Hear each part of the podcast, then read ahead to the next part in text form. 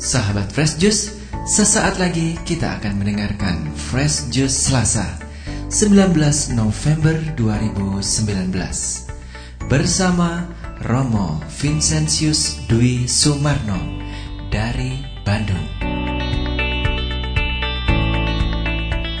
Sebelum kita mendengarkan renungan hari ini, kami ingin menginformasikan kembali bahwa di bulan November ini di beberapa kota mengadakan syukuran sederhana Ulta Fresh Juice yang ketujuh. Khususnya bagi yang berada di Pulau Bali, kami mengundang untuk menghadiri gathering Ulta Fresh Juice pada hari Sabtu 23 November 2019 pada pukul 6 sore di Hotel Adi Jaya, Jalan Sunset Road, Kuta Bali bersama para pengisi dan admin Fresh Juice antara lain Dr. Robert Reverje, Pasutri Bapak Sandi dan Ibu Erna Kusuma, Pasutri Yofi Natasa dan Joshua, admin Yudi Gunawan dan Rita.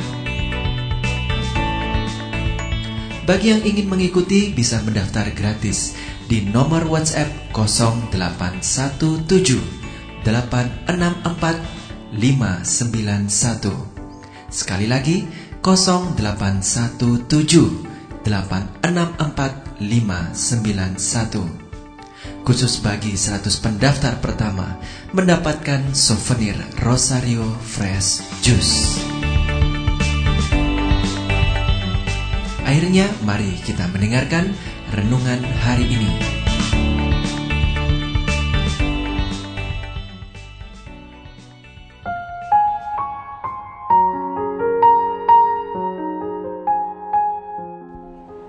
Bapak Ibu, saudara-saudari yang terkasih dan juga rekan-rekan muda, selamat berjumpa dengan saya Romo Vincentius Dwi dari Keuskupan Bandung.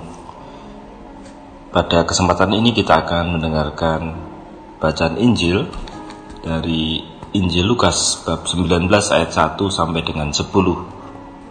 Tema renungan kita adalah perjumpaan yang membawa berkat. Sekali peristiwa Yesus masuk ke kota Yeriko dan berjalan melintasi kota itu. Di situ ada seorang kepala pemungut cukai yang amat kaya bernama Sakius. Ia berusaha melihat orang apakah Yesus itu, tapi tidak berhasil karena orang banyak dan ia berbadan pendek. Maka berlarilah ia mendahului orang banyak, lalu memanjat pohon ara untuk melihat Yesus yang akan lewat di situ.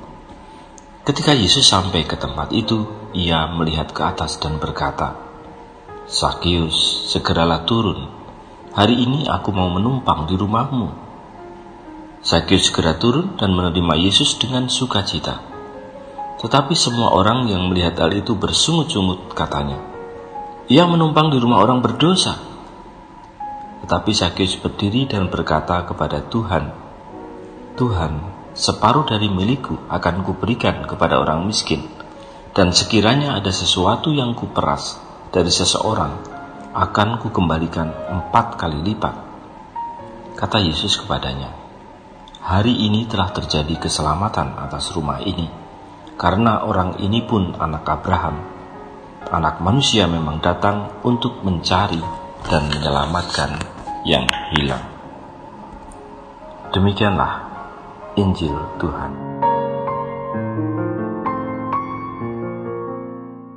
Saudara-saudari, Bapak Ibu, dan rekan-rekan muda yang terkasih, kita telah melihat bagaimana bacaan Injil hari ini mau menampilkan cerita tentang perjumpaan Tuhan Yesus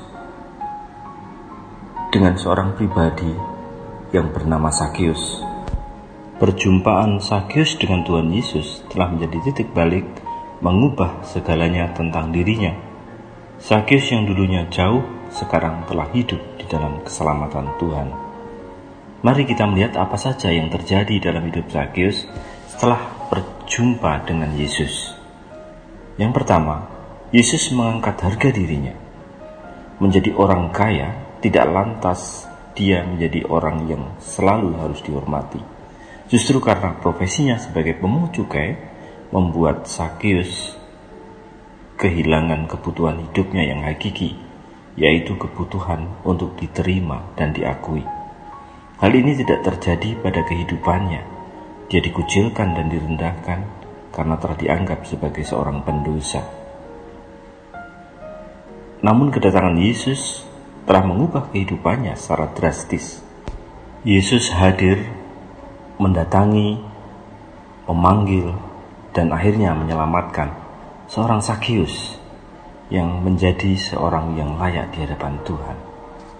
Demikianlah kita memahami tentang kasih Allah, kerahiman Allah dalam kehidupan kita, bahwa Tuhan memanggil dan mengangkat hidup kita dari kekosongan hidup kita, seperti halnya Sakius. Ketika kita mau menyambut panggilan Tuhan dalam kehidupan kita, maka Tuhan juga akan mengangkat kita jauh lebih tinggi. Di mata Tuhan, kita begitu berharga. Kita mau datang menyambut panggilannya, maka kita diselamatkan. Jika selama ini kita hidup di dalam dosa, Tuhan anggap kita seperti anak yang hilang, bahwa masih ada waktu dan kesempatan Tuhan memberikan kepada kita, tetap kembali kepadanya. Sakyus telah mendapat kembali bagian kehidupannya yang telah lama hilang, yaitu hidup penuh sukacita, sebab Tuhan telah memanggil dan menerimanya. Hal yang kedua yang dialami dalam perjumpaan Yesus dengan Sakyus, Yesus mengubah orientasi kehidupan Sakyus. Yesus juga telah mengubah cara pandang dan orientasi kehidupan Sakeus untuk menjalani kehidupannya ke depan. Sakeus yang dahulu adalah Sakeus, seorang yang hanya tahu untuk mengambil dan meminta. Namun sekarang dia telah menjadi seorang yang tahu untuk memberi. Tuhan Yesus telah mengubah pemahamannya tentang kekayaan duniawi, yaitu mengubah menjadi sesuatu yang bernilai. Sakeus menjadi seorang pribadi yang tahu berterima kasih, tahu menggunakan hak miliknya untuk berbagi kepada sesama. Sakyus mengatakan di hadapan Yesus dan orang banyak, Tuhan, setengah dari milikku akan kuberikan kepada orang miskin, dan sekiranya ada sesuatu yang kuperas dari seseorang, akan kukembalikan empat kali lipat. Kekayaan yang dia miliki sekarang jauh lebih bernilai dan berharga sebab kekayaan materinya telah menghasilkan kasih dan keadilan. Dengan menyambut panggilan Yesus, Sakyus berbuat dengan hartanya untuk mengasihi orang miskin dan memperlihatkan keadilan kepada orang yang mungkin selama ini ada yang pernah dia peras. Dia siap memperbaiki kesalahan yang pernah dibuatnya. Hal yang ketiga adalah Yesus mengubah Sakyus menjadi orang yang diberkati. Tuhan Yesus mengatakan, Hari ini telah terjadi keselamatan kepada rumah ini karena orang ini pun anak Abraham. Sakyus dilayakkan menjadi anak Abraham pewaris janji dan berkat Tuhan. Sungguh luar biasa bagaimana Yesus memandang iman Sakyus sehingga dia mendapat berkat yang luar biasa, yaitu keselamatan dari Tuhan untuk seisi rumahnya. Sakis menerima berkat untuk setiap apa pun yang ada di dalam rumahnya, baik itu pekerjaannya, keluarganya, atau apa pun yang ada padanya. Sebab Sakis telah menjadi orang yang diberkati dan menjadi berkat. Akhirnya hal yang bisa kita petik dari perjumpaan Tuhan Yesus dengan Sakis adalah bahwa Tuhan senantiasa memanggil umat manusia kita semua untuk mengalami pertobatan. Pertobatan adalah panggilan seumur hidup. Pertobatan adalah rasa takjub dan kagum kepada kerahiman Tuhan sehingga menumbuhkan iman. Buah dari pertobatan yang sesungguhnya adalah sukacita sebab pengampunan Tuhan di dalam hidup kita. Dan Tuhan Allah memberikan roh yang membangkitkan kekuatan, kasih dan ketertiban, bukan roh ketakutan. Pertobatan muncul karena rasa sukacita dikasihi oleh Tuhan. Semoga di dalam keheningan, di dalam doa, dalam ekaristi, dalam aktivitas hidup kita sehari-hari, dan juga dalam perjumpaan kita dengan sesama kita, kita boleh mengalami perjumpaan dengan Tuhan yang membawa berkat seperti Sakyus. Tuhan memberkati kita semua. Amin. Sahabat Fresh Juice, kita baru saja mendengarkan Fresh Juice Selasa, 19 November 2019. Segenap tim Fresh Juice mengucapkan terima kasih kepada Romo Vincentius Dwi Sumarno untuk renungannya pada hari ini. Sampai berjumpa kembali dalam Fresh Juice edisi selanjutnya. Tetaplah mengucap syukur dan salam Fresh Juice.